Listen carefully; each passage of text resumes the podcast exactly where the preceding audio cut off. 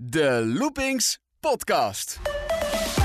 We kunnen ook niet alles in het onderhoud stoppen. Want anders heeft we zouden het liefst eigenlijk alles willen onderhouden. Eén is de portemonnee, maar ook gewoon uit gasbeleven. Want anders gooien we ook te veel dicht in Het onze. moet geen Disneyland Parijs worden qua Ja. schuttingen. Nou ja, dat zeg ik niet. Maar ja, je betaalt ergens eh 40 euro voor ons entreekaartje. Ja, dan mag je ook verwachten dat, het, dat onze attracties eh, zoveel mogelijk open zijn.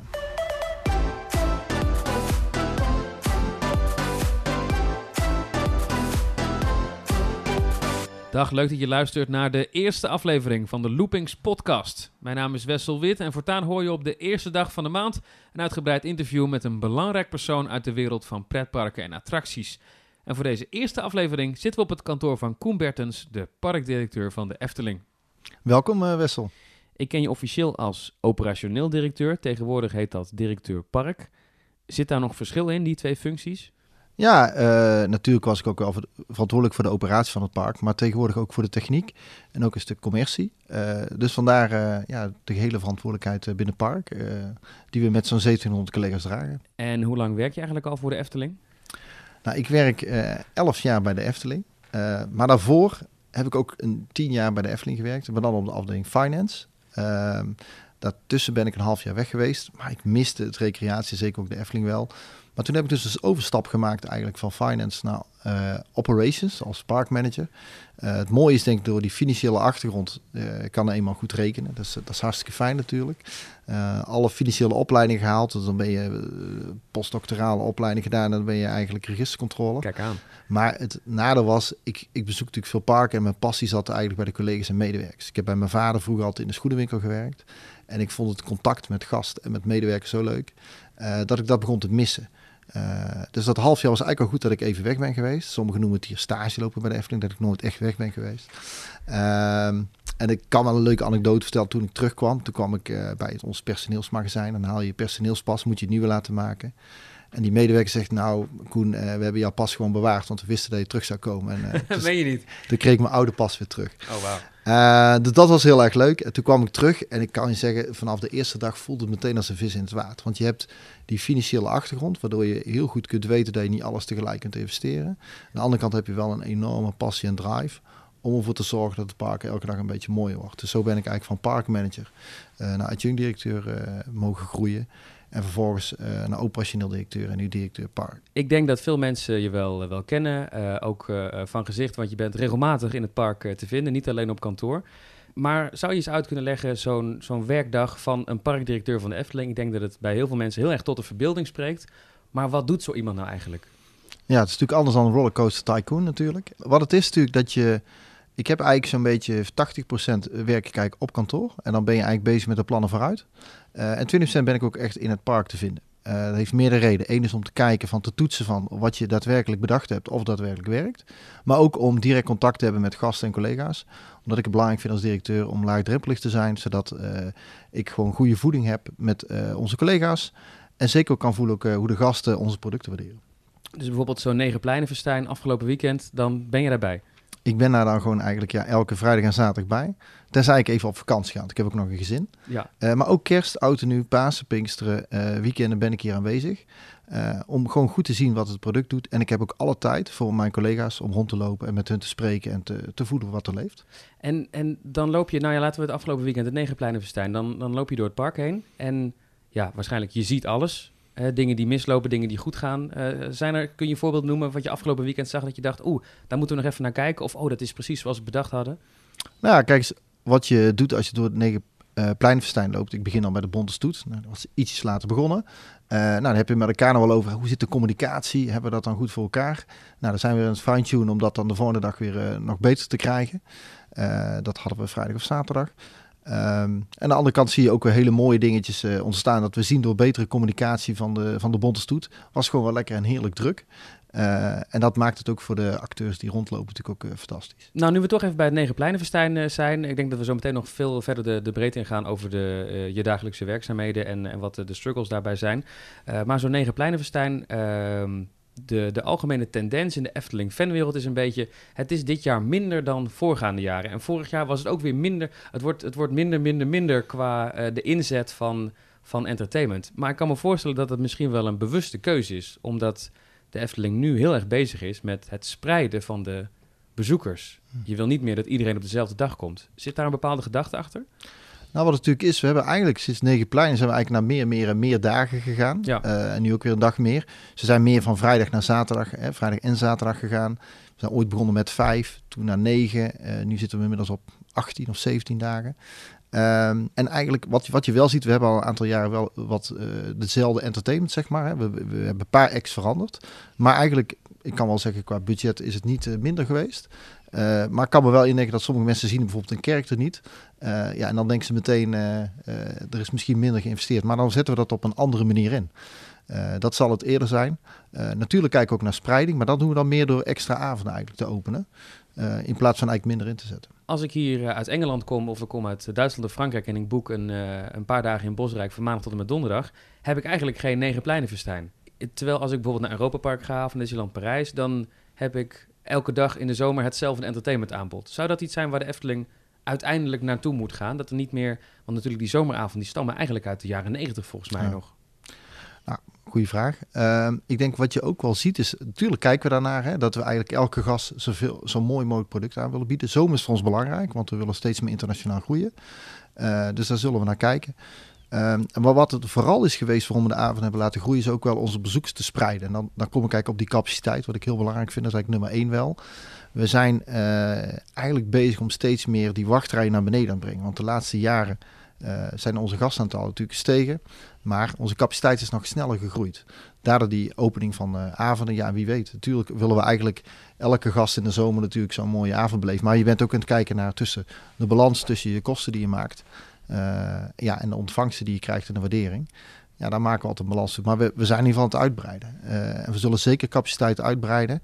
Zowel in openingsuren, maar ook in attracties zelf. Een mooi voorbeeld daarvan is bijvoorbeeld eh, bij Joris en de Draak. Dit jaar hebben we een vijfde trein. Nou, maak je geen zorgen, we stoppen geen vijf treinen in de trek.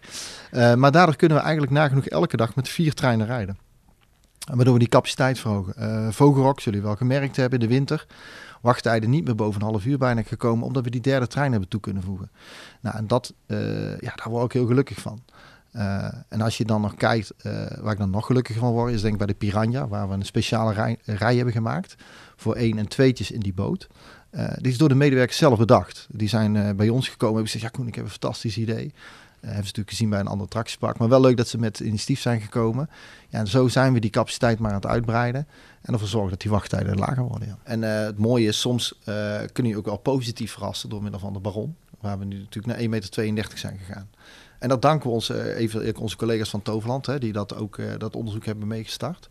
Uh, waardoor we eigenlijk, wij ook zelf mee konden liften en uh, BNM heeft aangegeven, jullie mogen ook naar 1,32. Je noemt de capaciteit. Uh, is het zo dat de wachtrijen van de Efteling gemiddeld genomen de afgelopen jaren lager zijn geworden, terwijl de, de bezoekersaantallen omhoog zijn gegaan? Ja, dat is zo. Ja, dus de capaciteit is sneller gegroeid dan de gastaantallen. We houden dat ook bij. Dus uh, dat uh, hebben we eigenlijk met een extern bedrijf die heeft ons erin geholpen. En daardoor kunnen we exact zien wat de gemiddelde wachttijd is per uur, per attractie. Uh, en dat geeft ons heel veel data. En met die data kunnen we eigenlijk weer kijken van hoe kunnen we zaken oplossen. En dat kan niet heel klein zijn, wat jullie misschien ook al gemerkt hebben bij de Python, dat je gewoon in één keer je tassen mee mag nemen. Ja, dat leidt tot 8% meer uh, gasten per uur. Oké, okay, dat is nogal wat. Ja. Op een dag. Ja, want anders moest je eerst je tas uh, natuurlijk in een speciale opbergbak zetten, die moesten we teruglopen. Uh, dat hebben we eigenlijk exact uit zitten rekenen. En uh, toen hebben we gezegd, wel natuurlijk met de TUF ge gecheckt of die tas wel in die achtbaan mocht. Ja, voor het, voor het... Want er zit een looping in, hè? we ja, vonden het best precies, wel spannend. Ja. Maar we hebben daar geen issues mee gehad. En ja, daar zijn we hartstikke blij mee. Ja. De boarding pass is ook daar een van de dingen die jullie bij de Python ingevoerd hebben. Ja. Zorgt dat nou ook voor een hogere capaciteit of is dat gewoon alleen maar minder wachten? Ja, uiteindelijk is de boarding pass meer om de spreiding over de dag heen te krijgen. Wat zien we toch? Bij, uh, zeker bij het ruigje, dat je in het begin van de dag dat we daar toch hogere wachtrijen hebben. Dat mensen daar als eerste naartoe uh, gaan. En door een boarding pass kun je ervoor zorgen dat ze meer gelijkmatig over de dag gaan. Daar zit meer de spreiding over de dag heen. Het zorgt niet voor meer capaciteit. We hebben het vaak over de boardingpas gehad. Uh, in het begin was daar heel veel ophef over in de Efteling fanwereld. Nu is de storm uh, wel gaan liggen, zou je kunnen zeggen. Uh, de boardingpas is er nog steeds. Hoe zijn de reacties van de normale gasten tussen aanhalingstekens nu? Uh, we hebben gewoon heel veel moeten leren daarin. Want dat is voor de gasten hier in Nederland eigenlijk best wel uniek. Disney kende een fastpass systeem. Um, maar nu uh, gaat het eigenlijk steeds beter. We zijn ook nog steeds aanpassingen doen in de signing en het verbeteren en het leren. Maar de reguliere gasten reageert eigenlijk daar uh, positief op. Ja. En um, wat we gezien hebben is dat de boarding pass eigenlijk voor drie of vier attracties, wat de gasten nu zeggen. We waarderen het eigenlijk voor maximaal drie, vier attracties. Uh, en eigenlijk zouden het pas willen pas vanaf een half uur wachten. We deden het eerst vanaf een kwartier. Dus sommige gasten die denken, denken waarom wordt uw boarding pas minder ingezet? Ook wel vanuit gastperspectief. Uh, en men geeft aan, liever niet bij familieattracties. Dus we hebben het getest bij Symbolica en daar werd het gewoon niet zo gewaardeerd. Bij achtbanen vindt men het prima, maar bij echte familieattracties zegt men, ja, dan wachten we liever in de rij. Zeker kleine kinderen, uh, die, vinden, ja, die willen eigenlijk toch niet wachten op een later moment. Die willen dan op dat moment erin. Wel opvallend, want ik ken van Disneyland Parijs dat de familieattracties daar, dat die ja. dat daar wel doen. Maar jullie zeggen eigenlijk, naar aanleiding van het onderzoek... Ja, ja, ja vanuit gastperspectief. Nu hebben we alleen de Python bij de boarding pass. Dat betekent dat het plan is om in de toekomst bij meerdere achtbanen die boardingpas te gaan invoeren. Je hebt inderdaad gelijk dat we tot maximaal drie tot vier gaan. Maar we willen eerst, ik wil eerst gewoon 100% zeker dat we, dat, uh, dat we er zijn op het moment dat ik vind dat de kwaliteit goed is. Uh, ik noem dat minimaal een 8, uh, onze Efteling kwaliteit. En ja, daar zijn we nog steeds aan het fine-tunen. En dan pas gaan we eigenlijk verder kijken naar eventueel een ander. Dus Max en Moritz in het voorjaar is niet standaard sowieso met een boardingpas? Nee, dat kan ik sowieso al zeggen. Ja. Oké, wel met de single riders line, denk ik. Ja, dat mag je wel weten. Ja, dat mag je wel. Ja, ja, ja. um, dat is ook iets, hè, de single riders lines. Die is ja. ooit begonnen bij de Bob, geloof ik. En uh, toen Baron, Symbolica en Python en volgens mij dit, Joris en Draken. Dit jaar ook ja. de Vliegende Hollander. Ehm, alle acht banen hebben er nu eentje, behalve Vogelrok. Gaat ook niet meer komen, denk ik, bij Vogelrok.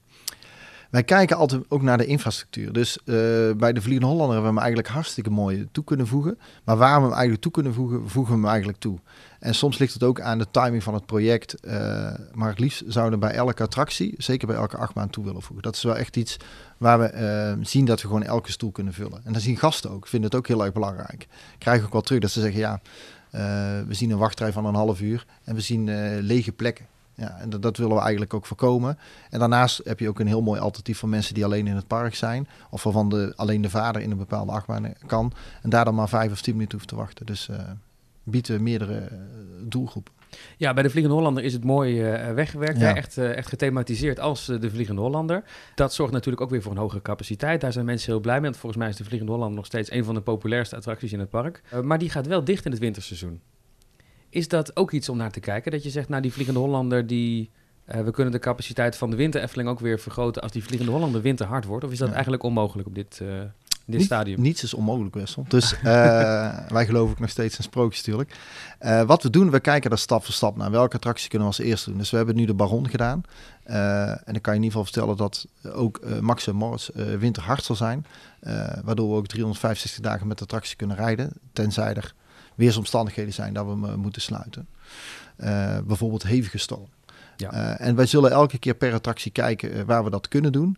dat vinden we ook belangrijk, omdat we, we zijn natuurlijk van een seizoenspark uiteindelijk naar een jaar rond gegaan. En dat betekent ook dat we daar de attractie eigenlijk zoveel mogelijk willen openstellen. Dus die beschikbaarheid, daar kijken we elk jaar wel naar. Het complexe bij de Vliegende Holland, het enige wat ik kan vertellen is wel dat het een waterattractie is. En dat ook nog eens het hele meer in verbinding staat. Uh, maar wil, wil niet zeggen dat we er niet naar kijken. Nee, ik kan me herinneren dat het ja. bij de bouw het, het, plan was om dan het waterpeil winters te laten zakken, hm. zodat de splash minder zou zijn. Dat er dan toch, uh, zonder dat je kletsnat wordt, er winters toch in zou kunnen. Maar er is natuurlijk ook een onderhoudsperiode die jaarlijks nodig is. Dat lijkt me ook lastig. Ja, we hebben ook nog, het is een combinatie van onderhoudsperiode en ook nog dat we kijken van waterattractie, uh, hoe nat wil je worden in, zeg maar midden in december. En om een escape room van te maken van de wachtrij, wat ooit het, het, plan was, uh, maar dat bleek uiteindelijk voor YouTubers uh, te zijn. dat klopt.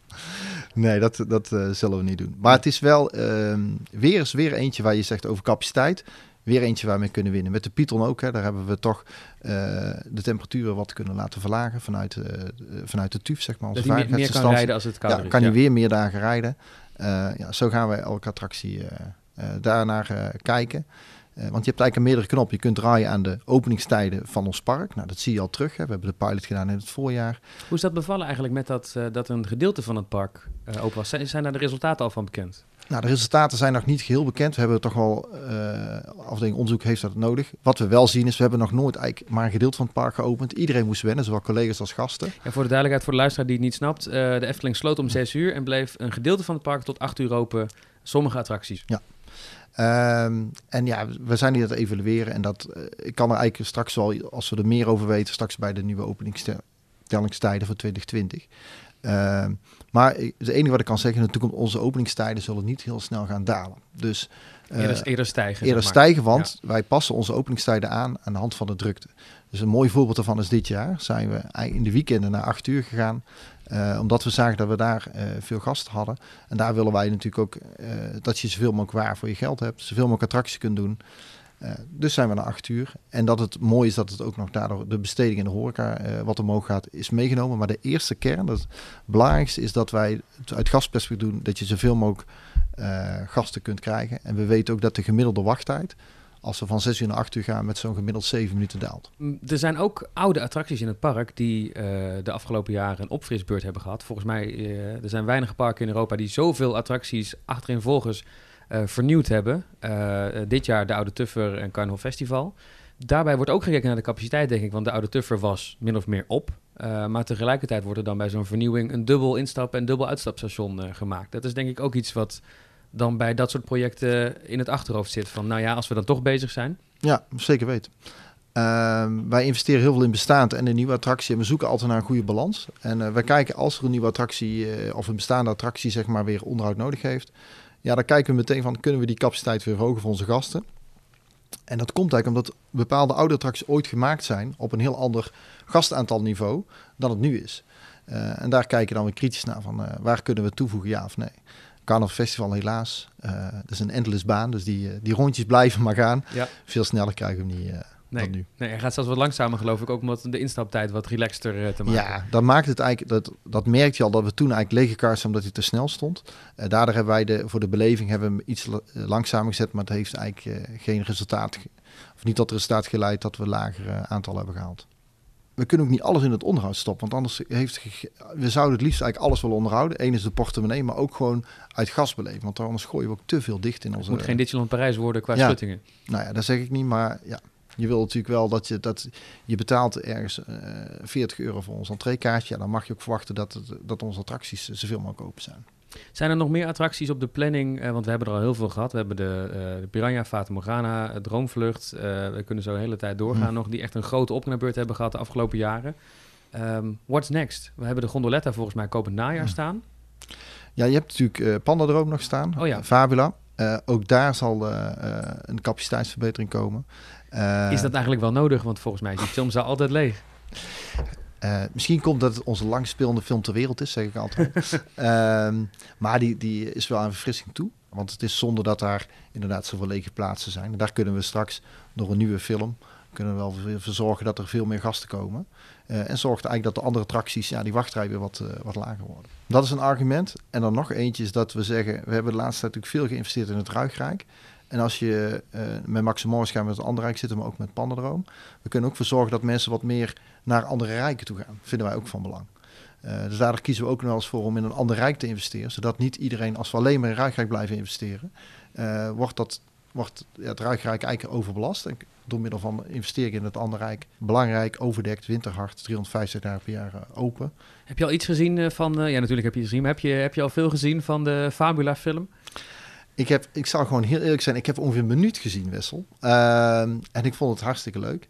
Uh, waarom? Omdat we deze keer meer creatieve vrijheid hebben. Omdat we eerst natuurlijk samen met WNF uh, daar natuurlijk wel met elkaar in gesprek waren. Dan moet je toch tot een samenwerking komen. En dat heeft voor ons een aantal jaren uh, heeft perfect gewerkt. Maar nu hebben we er alle vrijheid in. Ja, dat doen we met Aardman. fantastische studio. Er kwamen hele positieve reacties op op die keuze. Ja, ja. En uh, ik heb een minuut gezien en ik was ook positief verrast. Ik heb nog niet alles gezien, dus uh, de laatste zelfs aan mij. Uh, dat is ook nog geheim ook voor de directeur. ja, ja, nou, dat is ook prima. Ja. Ik bemoei me weer meer met, met attracties, dus ik ben met Max en Morris nou betrokken. Dus, Gaat er nog iets aan de, de wachtrij van Pandadroom veranderen van Fabula, nu daar Max en Moritz bij komt? Of is dat eigenlijk, staan die genoeg van elkaar af?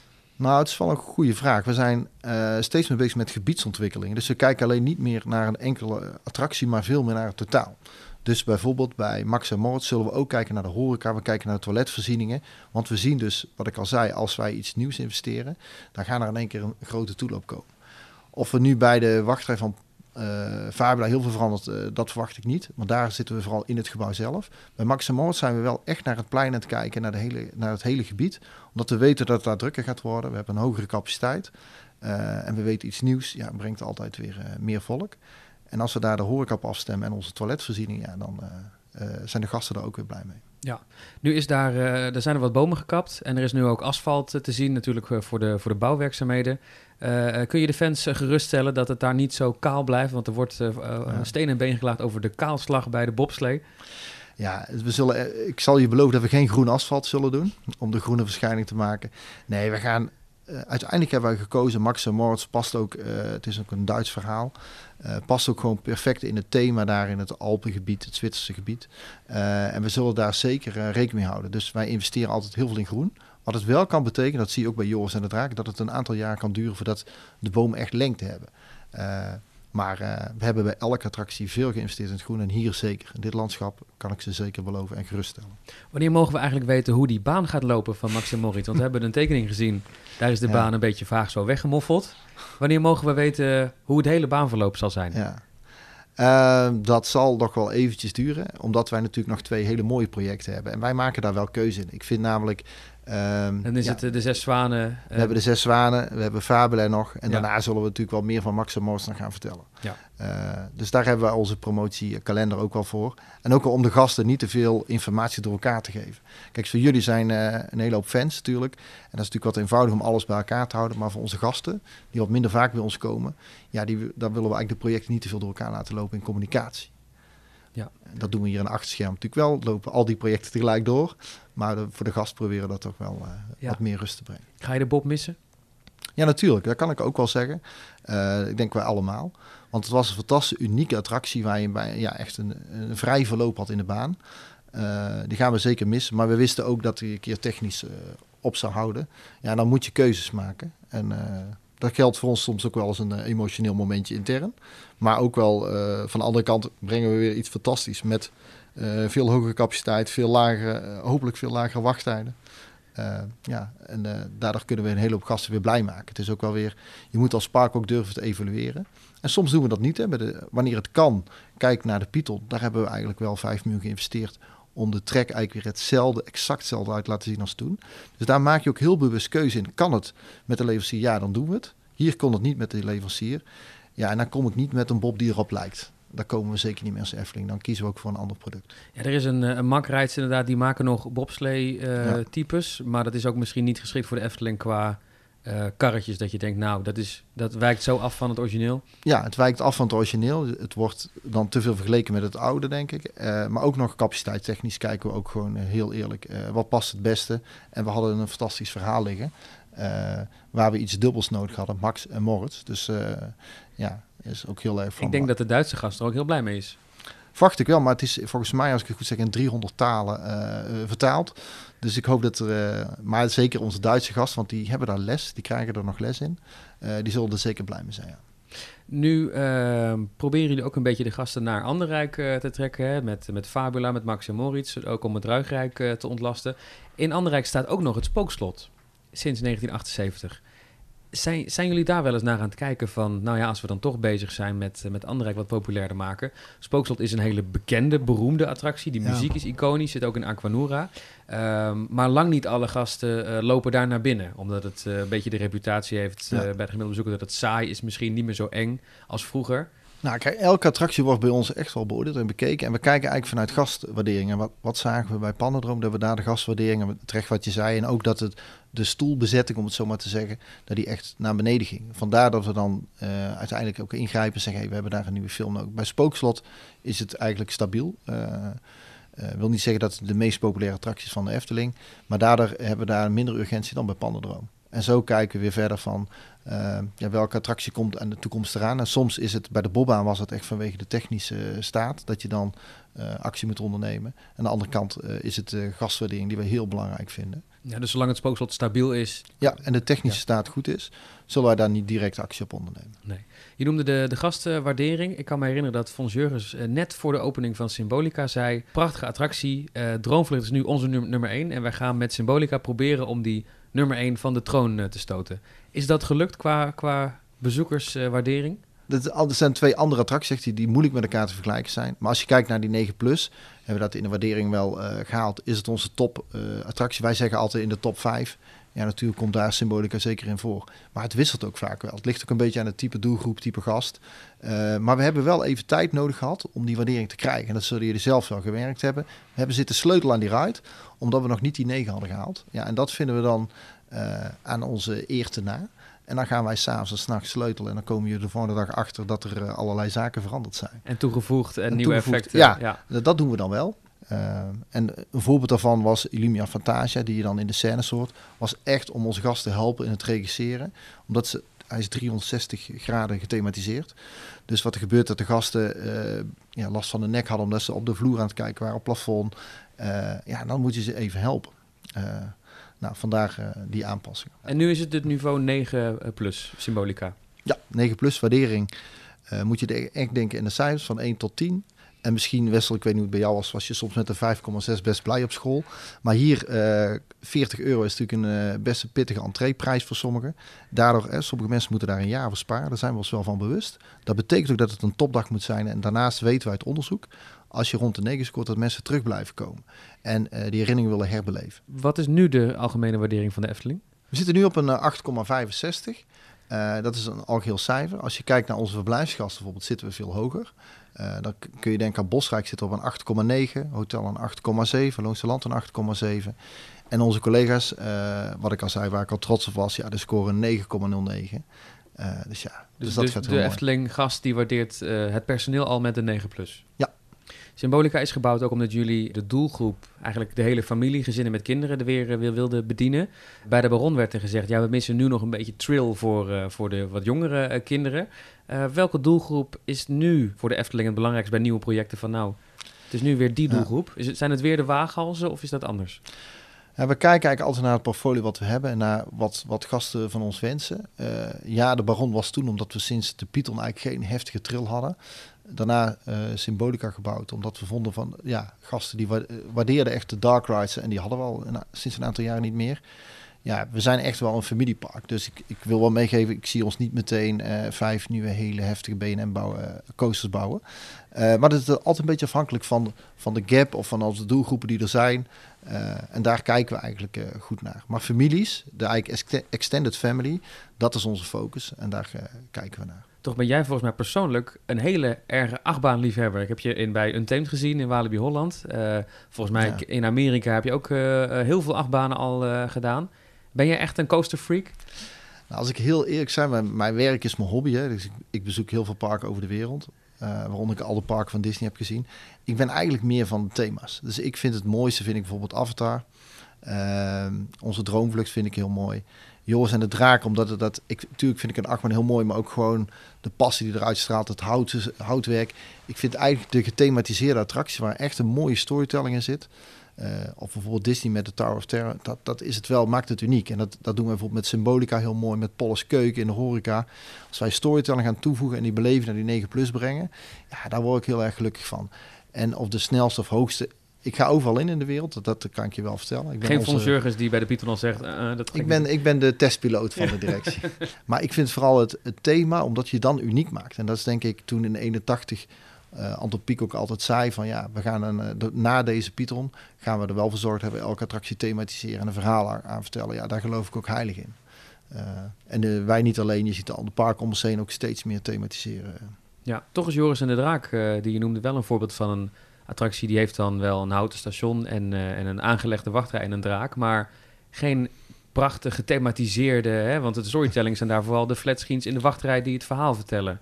Ja, we hebben daar wat lichter het verhaal verteld, gewoon ook wel omdat het hout al veel verhaal. Dat het, is, het hout maakt al heel veel thema. Uh, daar de sfeer eigenlijk ja, die je neerzet. Ja, ja. Dus, uh, maar wat je ook wel ziet tegenwoordig, als je kijkt naar thematisering, wat met Polles Keuken, waar we nu in de horeca aan de slag zijn gegaan, dat horeca steeds een belangrijk onderdeel begint te worden. En ook in de merchandise. Dat vind ik het mooie nu als park. Hè. Kijk nu naar Carnaval Festival. Uh, naar daarachter hadden we het fotopunt van Carnaval Festival. Nou, ik denk dat jullie daar misschien ook wel iets van vonden, hoe het eruit zag. Ja, dat heet nu Confetti. En het is gewoon echt een hartstikke mooie winkel geworden. Daar zie je horeca, merchandise met elkaar en ook het onderdeel van de beleving. Je voelt ook nog gewoon dat je daar echt in de wereld bent van Jokie en Jet. Uh, en zo kijken we steeds meer dat die beleving, wat ik al zei, die gebiedsontwikkeling, dat we steeds meer naar gebieden kijken. Uh, ja, daar word ik wel gelukkig van. Dat hebben we gedaan bij het Rijk der Fantasie. Maar ook nu met, uh, met Fabula gaan we dat doen, dat het nog beter aanpast. Dat deden we natuurlijk al met de Octopus. Maar dan gaan we nog wat sterker doen. Ja, zo zullen we steeds meer gebieden aanpakken dat je het gevoel hebt, oh, ik ben echt in een themawereld. Ja, dat vind ik wel echt het mooiste van het attractiepark. Als je dat goed doet, kijk naar, uh, naar Universal bijvoorbeeld met Harry Potter. Ja, uh, dat is wel echt uh, top. Dat is ook gewoon 9 plus. Maar wij met Symbolica hebben denk ik ook wel een mooie 9 plus te pakken. Een echt themagebied heb je niet in de Efteling, want je hebt wel het Rijk der Fantasie. Maar dat is vooral eigenlijk Symbolica, Keuken. Andere parken die hebben, hè, als we Disney als voorbeeld pakken, die hebben echt Adventureland. En dan is elke attractie ja. past daarbij. Efteling is natuurlijk uh, organisch gegroeid en heeft uh, ergens eind jaren negentig de, de rijken eraan vastgeplakt. En uh, nou, Ruigrijk, dat, dat dekt nog wel de lading, maar Anderrijk en Reizenrijk qua namen, dat is toch een beetje een, een allegaartje van, van stijlen door elkaar. Probeer je dan bij, bij nieuwe attracties te kijken, past dit wel in de omgeving, ook qua thema van de omliggende attracties? Ja, ik denk dat de rijken zijn ook meer voor ons logistiek gemaakt. Zowel voor de gast als uh, voor ons intern. Zodat we daardoor de, de attractie aan elkaar kunnen koppelen. Maar wij zijn, we hebben wel meer gebieden. Dus je hebt bijvoorbeeld Piranha's meer het Azteken. Je hebt de Duizend in één nachten. Dus je ziet bij ons wel gebieden. En de rijken zijn meer een verzameling waar die uh, plein dan op uitkomen. Uh, dus we zijn daarmee wel aan het kijken van hoe kunnen we de gebieden aan elkaar koppelen. Dus het hoeft niet per se in de rijken zelf te kijken. Uh, dat is meer, ons meer een logistiek iets, dan dat we daar echt nou heel strak op letten. Uh, want anders maakt het onszelf denk ik wel te moeilijk. Maar het moet wel passen. Kijk naar Max en Moritz. Ja, het zou niet goed zijn als we daar in één keer een uh, heel ander gebied pakken en daar een woestijnachtergrond gaan maken. Nee. nee. En er is een attractie die jullie hebben aangekondigd, die zou eigenlijk in 2020 openen, toen 2021. En nu weten we eigenlijk niet wanneer die opent. Dat werd ook officieel aangekondigd als een gebied met meerdere attracties. Ik denk niet dat je, niet dat je er heel veel over kunt vertellen. Uh, maar dat, als ik het goed begrijp, wordt dat ook weer een gebied met één overkoepelend thema, hm. waarbij alles dan daarbij past. Ja. ja. En dat is waarschijnlijk ook alles wat je erover kwijt wil. Nou, ik vind dat je dat goed invult, uh, Wessel. uh, je noemde een paar keer Polles Keuken. Dat is volgens mij in de horeca jullie echte paradepaardje. Dat is geopend, als ik me niet vergis, in 2012. Wordt het niet eens tijd weer voor een voor een nieuw groot bedieningsrestaurant in de Efteling. Want de Efteling groeit, ook qua bezoekersaantallen. En heeft meer horecacapaciteit nodig. Wordt nu volgens mij heel netjes opgevangen met... overal in het park vind je kramen, uh, uh, chalets staan er. Uh, we hebben foodtrucks. Maar je kunt natuurlijk ook gewoon een groot nieuw restaurant bouwen. Tuurlijk zullen we daar naar kijken. We vinden het ook wel belangrijk dat wij het groene karakter blijven behouden. Zodat we niet te veel bouwen in ons park. Vandaar ook dat we willen uitbreiden. maar we gaan zeker kijken naar overdekte zitcapaciteit. Uh, een voorbeeld daarvan kan ik wel geven is bij Polles Keuken. Uh, daar gaan we ons restaurant uitbreiden. Je hebt het toch over Polles. En dan de zitcapaciteit uitbreiden. Dus we zijn ook wel aan het kijken hoe kunnen we bestaande restaurants capaciteit uitbreiden. Dus uh, we hebben nu nieuwe frituren geplaatst bij Station de Oost. Ook met anderhalf keer capaciteit. Betekent niet meteen dat we dan anderhalf keer je snel kunnen bedienen. Want het betekent vaak dat dan de bottlenecks ergens anders zitten. Daar gaan we dan weer aan oplossen. Ja. Hè, de frietuitgifte, om het zo maar te noemen. Ehm, dus we gaan kijken hoe kunnen we de capaciteit van het bestaande restaurant, maar zitcapaciteit is belangrijk en zeker ook in de winter. Dus wij zullen ook zeker wel uitbreiden daarin. Welke kant kan ja. Polis eigenlijk uitbreiden? Is dat het terras dan, uh, wat, wat bij het gebouw getrokken wordt? Eigenlijk, eh, je kunt eigenlijk de contouren al wel zien. Dat is aan de buitenkant van het terras. Waar nu eigenlijk een over, overkapping is, maar daar kun je nog niet echt warm zitten. Zullen we daar echt een, een uitbreiding maken, waardoor mensen daar uh, heerlijk kunnen vertoeven. En zeker ook in de winter. Daar zien we eigenlijk vooral de capaciteitsissues, omdat je uh, in de zomer hebben wij heel veel kleine tentjes en steentjes, wat je terecht zegt, waar we veel sfeer brengen. Uh, dat is het leuke. Uh, en daar kunnen we ook heel veel variëteit in brengen. Dat, dat zien we ook nog. Dus naast in horeca dat we kijken naar capaciteitsuitbreiding van stoelen, dat, dat meten we ook echt zo. Dus dat doen we met een extern bedrijf samen. Kijken gewoon hoeveel stoelen hebben we nodig als we, als we willen groeien. want die wachtrijen die dienen ook naar beneden te gaan. Uh, en vervolgens willen we ook nog kijken naar de flavors, welke smaak hebben. Want je hebt internationale gasten. En uh, we hebben ook gasten die in plaats van één dag meerdere dagen verblijven. Dan wil je eigenlijk niet alleen snacks aanbieden. Dus vandaar dat je merkt dat we gewoon een hele andere uh, diversiteit hebben. Bijvoorbeeld Witte Paard heeft ons heel ver geholpen, waardoor we bijvoorbeeld zijn gaan spiegelen. Dus zowel de linkerkant als rechterkant van het Witte Paard. Beetje het IKEA-model eigenlijk. Ja. Uh, maar ik hoop dat, je, dat het toch wel een andere inrichting is dan de IKEA. Maar het wel het model. Hè? Want we hebben samen uh, andere pijlen voor onze 9 plus de samenwerking. We gaan ook echt wel bij, met IKEA samenwerken om te kijken van hey, hoe hebben je dat gedaan? Wat heb je ervan Jullie geleerd? gaan echt daar langs ook met een team uh, bijvoorbeeld? Ja. ja. ja. Oké. Okay. En bijvoorbeeld met de snackrestaurants kijken we naar McDonald's. Uh, waar McDonald's veel van ons wil leren over hospitality. Leren zij ons over hoe krijgen we onze capaciteit en onze omloopsnelheid verhoogd. Ja.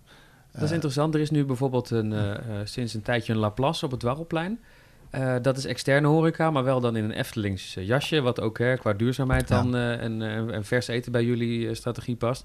Zou een McDonald's in de Efteling, zou dat kunnen? Alles kan natuurlijk, maar ik zie het niet 1, 2, 3 gebeuren.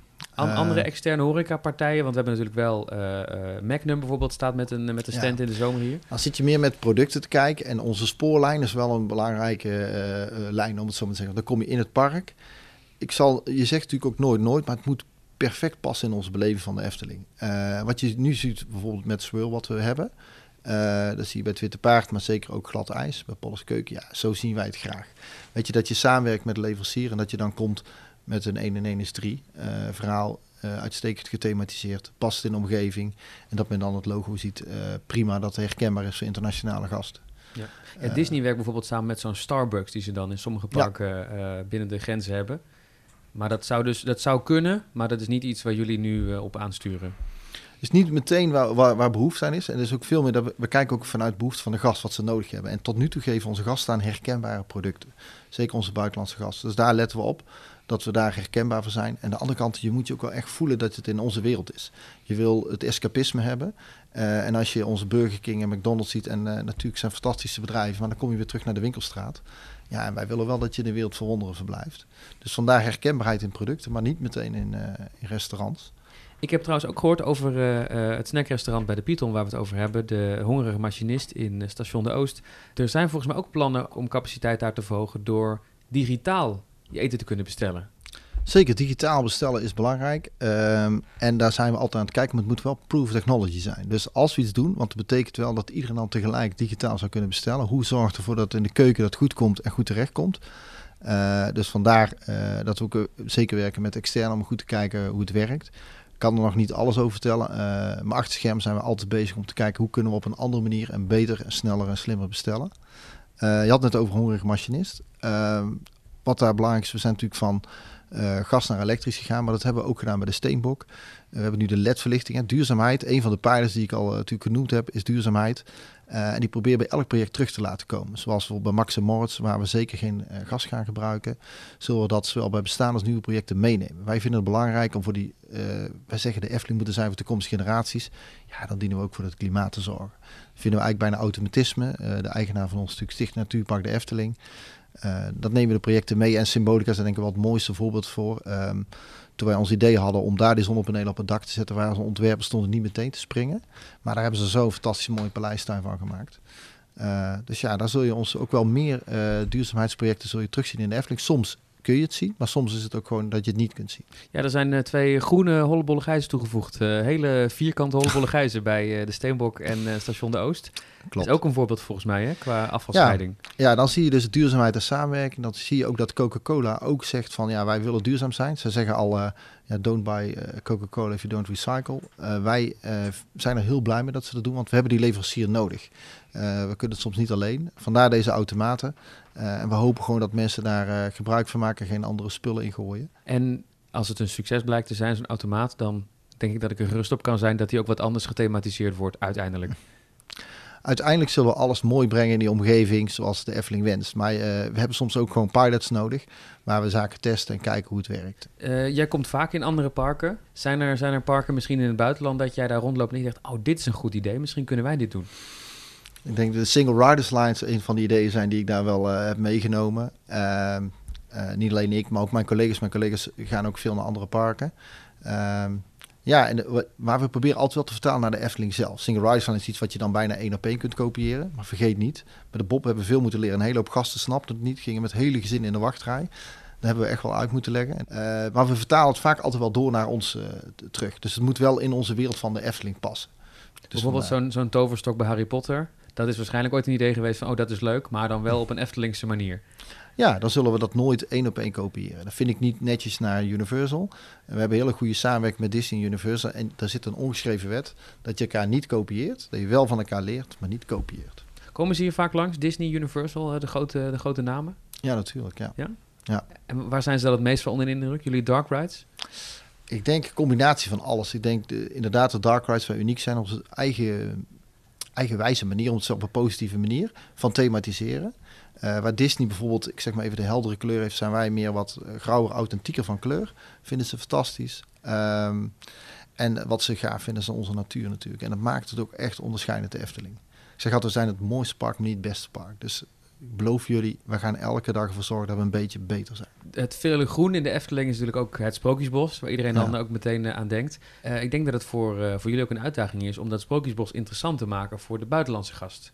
Je hebt natuurlijk wel gezien met, met Pinocchio en je zult ook wel zien met de Zes Zwanen dat het allemaal wat internationaler is. Dat er geen Nederlandse vertelstem is meer die het hele verhaal van begin tot eind het, uitlegt. Maar het Sprookjesbos is tegelijkertijd ook een beetje heilige grond. Is het mogelijk om het Sprookjesbos internationaler te maken? Of, of is het echt not done om aan de bestaande sprookjes uh, te tornen? Uh, ik denk aan de sprookjes zelf zullen we niet zo snel tornen, omdat het daarin wel onze authenticiteit is. En de communicatie en hoe we de boodschap kunnen brengen, zouden we daar wel meer in kunnen doen door, door de hedendaagse techniek. Daar zijn we nou wel aan het kijken wat is proven, wat werkt. Maar je, ik kan in ieder geval zeggen, je mobiele telefoon wordt steeds belangrijker. Dat gaat ons misschien ook wel helpen. In plaats van dat je overal hele grote schermen zou moeten plaatsen. Dat willen we niet in het Sprookjesbos. Uh, dus daardoor zijn we ook wel altijd met onze afdeling IT aan het kijken van hoe kunnen we ervoor zorgen dat, uh, dat misschien boodschappen op een andere manier bij hun binnenkrijgen. Dat een sprookjesboek op je telefoon komt bijvoorbeeld. Uh, bij wijze van spreken. Ja, hebben we nu nog niet. Hè. Ehm, maar we zijn wel daar testen aan het kijken. En misschien eens bij het sprookjes, maar in andere objecten waar we meer taligheid toevoegen wat we nu veel meer doen is met symbolen werken. Dus bijvoorbeeld, we, wij vinden het veel belangrijker om al die talen, want het is ook nog best wel lastig voor gasten om dat te begrijpen. Er staan er vier talen onder elkaar. Maar een, een, een eh, symbool van het toilet is vrij universeel, dus dat kun je gebruiken. Uh, dus zo werken we eigenlijk. Dus we werken eigenlijk met symbolen met, uh, of met vier en twee talen. Dus als het liefst met vier talen, dan heb je het over Nederlands, Engels, Frans en Duits. En als het niet lukt, bijvoorbeeld bij een menukaartje, dat het te klein wordt, dan gaan we met Nederlands en Engels werken. Villa Volta is ook zo'n attractie die met, met een echt Nederlands verhaal en met twee Klopt. voorshows. Nou, stel je voor dat je geen Nederlands spreekt, dan sta je daar een beetje zo van, nou, ben benieuwd wat er komt, geen idee. dat is ook iets waarbij jullie misschien aan het kijken zijn van, goh. Ja, zeker. Kijk, ik denk waar we het al wel opgelost hebben is bij Ravelijn. Daar hebben we met de vertaalkastjes gewerkt. Uh, dus we zijn, het, we zijn elke attractie bekijken daarna terecht wat je zegt, naar de technische staat, maar ook wel hoe internationaal is je. Dus je zult in het park wel zien dat we heel veel internationale signing hebben toegevoegd. Maar nu is het nog bij de attractie te kijken hoe kunnen we onderdompelen. Ja, bij de nieuwe attractie dan doen we dat meteen van mee te gaan. Voor de mensen die niet weten, uh, vertaalkastjes bij Ravelijn. Als ik een, uh, uit Engeland kom en ik wil Ravelijn zien, dan krijg ik een headset op, denk ik. Ja, dan krijg je een kastje mee en dan kun je dan de taal kiezen. Uh, Wordt heel de show eigenlijk, ja. die is dan ja. eigenlijk synchroniseerd. Ja. En dat zou bijvoorbeeld bij Villa Volta ook kunnen.